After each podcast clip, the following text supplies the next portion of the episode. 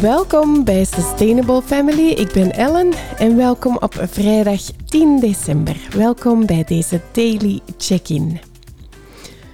Onlangs viel mij iets op tijdens twee aparte gesprekken met vriendinnen. We hadden het over welke verwachtingen wij in het leven hebben en hadden en hoe die verwachtingen ons al vaak hebben teleurgesteld. En dat is iets waar ik het eigenlijk al heel lang over wil hebben eens een keer, over verwachtingen. Ik vind dat iets super interessants om eens naar te gaan kijken in mijn leven, want ik heb daar al heel veel uit geleerd. En dat is een proces en dat is nog steeds ongoing ook. Hè? Dus omdat dat nu al twee keer de afgelopen week op mijn pad kwam, zag ik dat als een teken van oké, ik ga het er eens over hebben. Een van mijn vriendinnen die vertelde me um, dat ze bijvoorbeeld ochtends vaak opstaat met een soort to-do-lijst in haar hoofd. En als ze die lijst dan niet afrondt, dat ze zich enorm teleurgesteld voelt s'avonds. Alsof ze gefaald heeft of zo.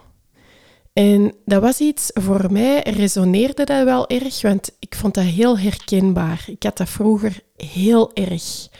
Um, ik had veel te veel verwachtingen. Ten opzichte van mezelf in de eerste plaats, maar zeker ook ten opzichte van um, anderen.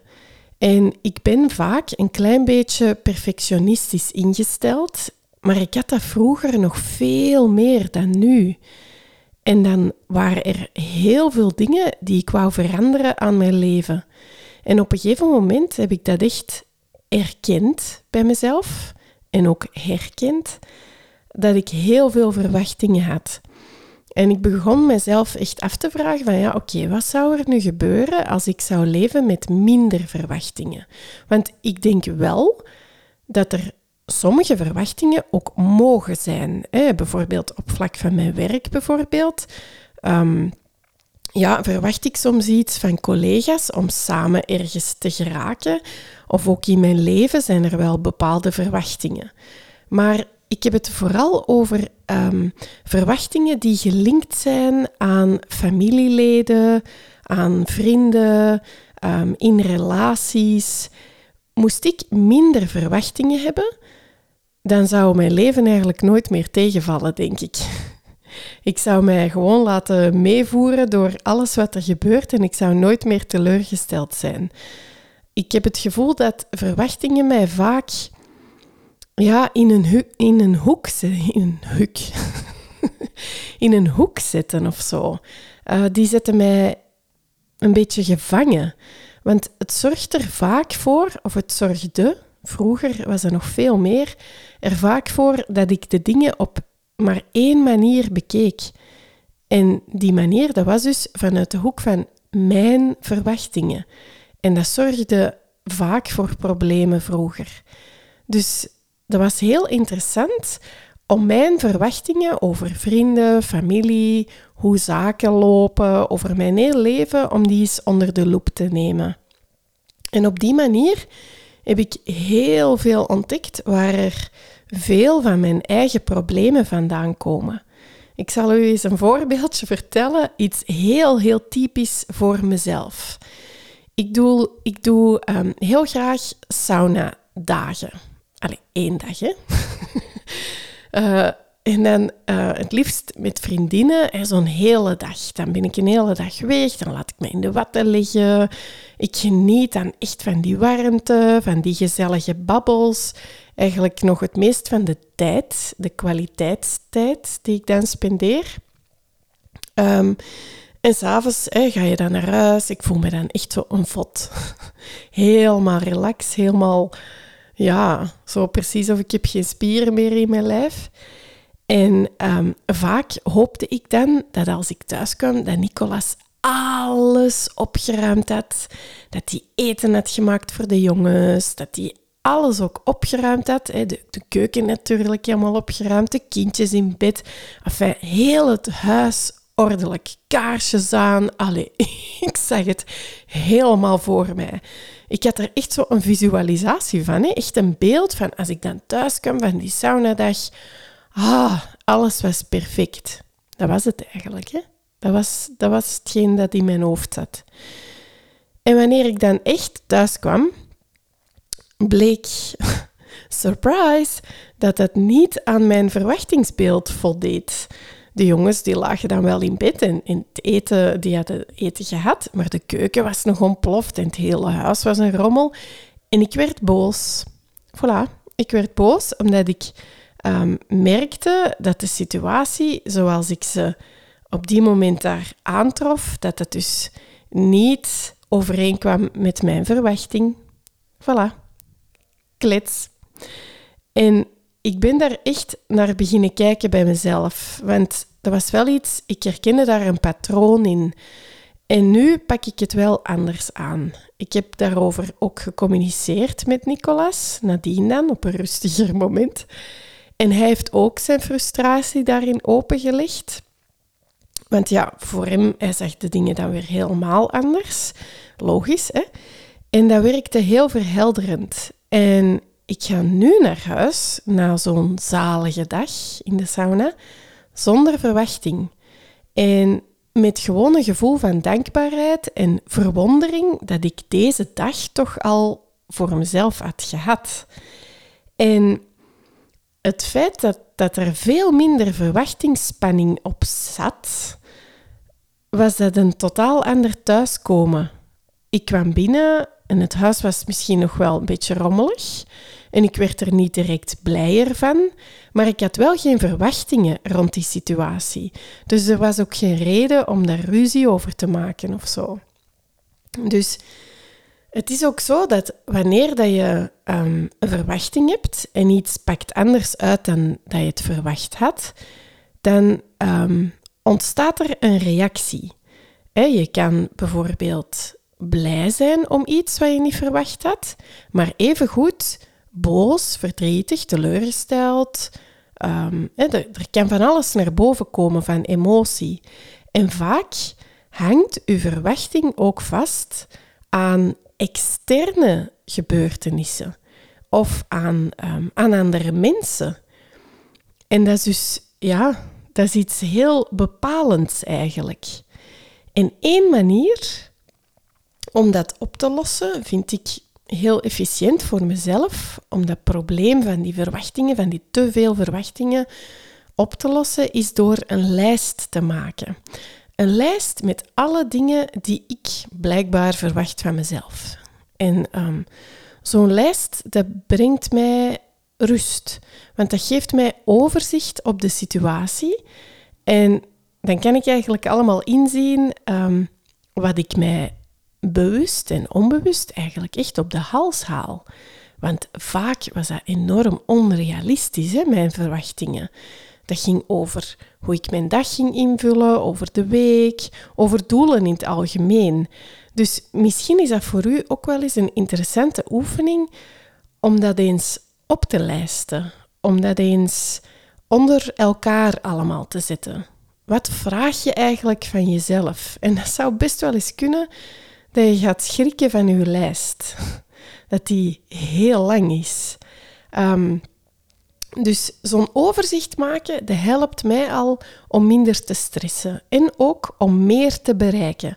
Want wat ik wel doe, is die lijst met de nodige humor benaderen. Dus ik ga daar al met een glimlach naar kijken, want soms is dat echt lachwekkend wat ik van mezelf onbewust verwacht.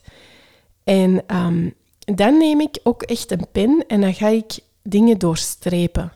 En ik ga dingen laten um, minder prioritair zijn. Ik kies echt mijn prioriteiten dan. En dat helpt echt wel. Um, ik ga ook niet beweren dat leven met minder verwachtingen, dat dat makkelijk is. Hè? Dat is zeker niet. Maar je kunt wel proberen te starten daarmee. En zo word je daar echt beter in.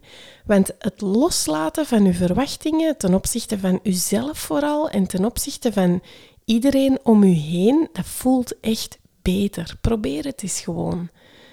Hoe zou dat zijn voor u om met minder verwachtingen te leven? Dus ja, ik doe dat op deze manier, hè, dat is dus een lijst maken en ik ga mezelf ook echt vragen stellen.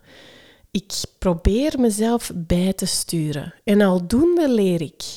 Hè, bijvoorbeeld als ik boos ben of ik ben boos geweest, dan ga ik echt mezelf afvragen van oké, ehm, waarom ben ik boos geweest? Wat was er precies de trigger? Wat heeft mij geïrriteerd? En heeft dat te maken met verwachtingen um, die, ja, die niet zijn ingelost? Hè? Waren die uh, verwachtingen wel realistisch? En zou ik eventueel die verwachtingen kunnen laten vallen? Want verwachtingen hebben, dat geeft ook een vals gevoel van controle. Um, dat is zo precies of je hebt dat nodig om gelukkig te zijn. En het is veel interessanter, denk ik, om te trainen om meer in het hier en nu te leven. Dat, dat brengt mij alleszins veel meer geluk. En ja, dat is echt ook een stuk loslaten. Hè? Ehm, het, het levert mij veel meer op. En ja, mijn verwachtingen ten opzichte van familie, vrienden, ten opzichte van Nicolas, ik heb die echt een beetje losgelaten. En dat geeft mij meer ruimte. Meer ademruimte, minder frustratie en meer liefde vooral. Meer warmte en mildheid. want echte liefde, dat is voor mij echt kunnen loslaten en niet vasthouden. Dat is nu ook echt heel erg van toepassing, vind ik, op de komende feestdagenperiode. Er zijn zo heel veel verwachtingen, hè? pas op, onbewust vaak. Ik merk dat bij mezelf ook op. Wat verwacht ik van het kerstetentje? Wat verwacht ik van um, oudejaarsavond? Van de vakantie met de kindjes? En hoe hoger mijn verwachtingen, des te groter de kans op teleurstellingen. En het is fijn om dat te oefenen, om dat los te laten.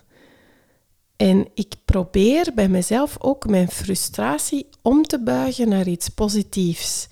Dus um, als ik vroeger bijvoorbeeld, hè, dan uh, vroeg ik mijn ouders om een gunst uh, of vrienden. Hè. En dan was ik vroeger teleurgesteld als die nee zeiden. Bijvoorbeeld hulp bij een verhuis of um, babysitten of whatever. Hè? En als die dan nee zeiden, dan was ik teleurgesteld. En dan ben ik eigenlijk gaan kijken van oké, hoe zit dat eigenlijk? Ik vind dus eigenlijk nu, op deze moment, dat mensen niet nee mogen zeggen tegen mij. Ja. En ik liep vast, want dat is eigenlijk niet authentiek, vond ik, voor mezelf. Want ja, ik zat eigenlijk met het probleem. Want ik vond, als ik echt naar mezelf keek, dat je wel nee mag zeggen. Ik mag nee zeggen als mijn vrienden iets vragen of mijn ouders. Door dicht bij mezelf te blijven, mag ik nee zeggen. En dus ja, is dat wel des te fijner als ik dat ook, als ik daar ook open voor sta voor hen, als zij eens nee zeggen. Dus ehm, het zette mij veel minder vast. En dat vond ik een heel goede oefening om eens te kijken van oké, ehm, ik ga het niet enkel projecteren op iemand anders, maar ik kijk ook eens hoe dat is bij mezelf. En ehm, wat ik ook een hele goede vind, uh, wat ik zelf ook echt probeer, is om verwachting om te buigen naar verwondering. Alles wat ik wel krijg op mijn pad, dat is al een cadeau op zich. En ehm, die verwondering, dat geeft een totaal andere energie. Dus uh, ook ook in de, ja, moet ik het zeggen, in de negatieve zin geeft dat positieve energie. Ik zal het even uitleggen. Dus als er iemand nee tegen u zegt, of die doet iets niet, hè, volgens uw verwachting, ja, als je je daar gewoon over verwondert, zo van, ah, allee, dat verwondert mij nu, dat hij dat nu niet doet. Ja, oké. Dan krijg je een totaal andere energie. Voel je dat, wat ik bedoel? Dan, dan heb je zo eerder iets open-minded meer. Zo van, ah, ja, oké. Dus die verwondering is, is tof. uh, om die toe te passen. Dus voilà, een, uh, een lijstje maken om eens te kijken wat uw verwachtingen zijn. Uw frustratie ombuigen naar iets positiefs. Bij uzelf blijven, authentiek. En gebruik eens verwondering in plaats van verwachting. Dus wat is jouw plan? Hoe ga jij er naar kijken? Ik ben heel benieuwd naar uw lijst ook. Welke onrealistische verwachtingen heb jij van jezelf? Ben ik heel benieuwd naar. En als je luistert via het Selfcare-platform, laat dan zeker je antwoord achter. Maandag ben ik er weer. Een super fijn weekend en hopelijk tot maandag. Bye bye.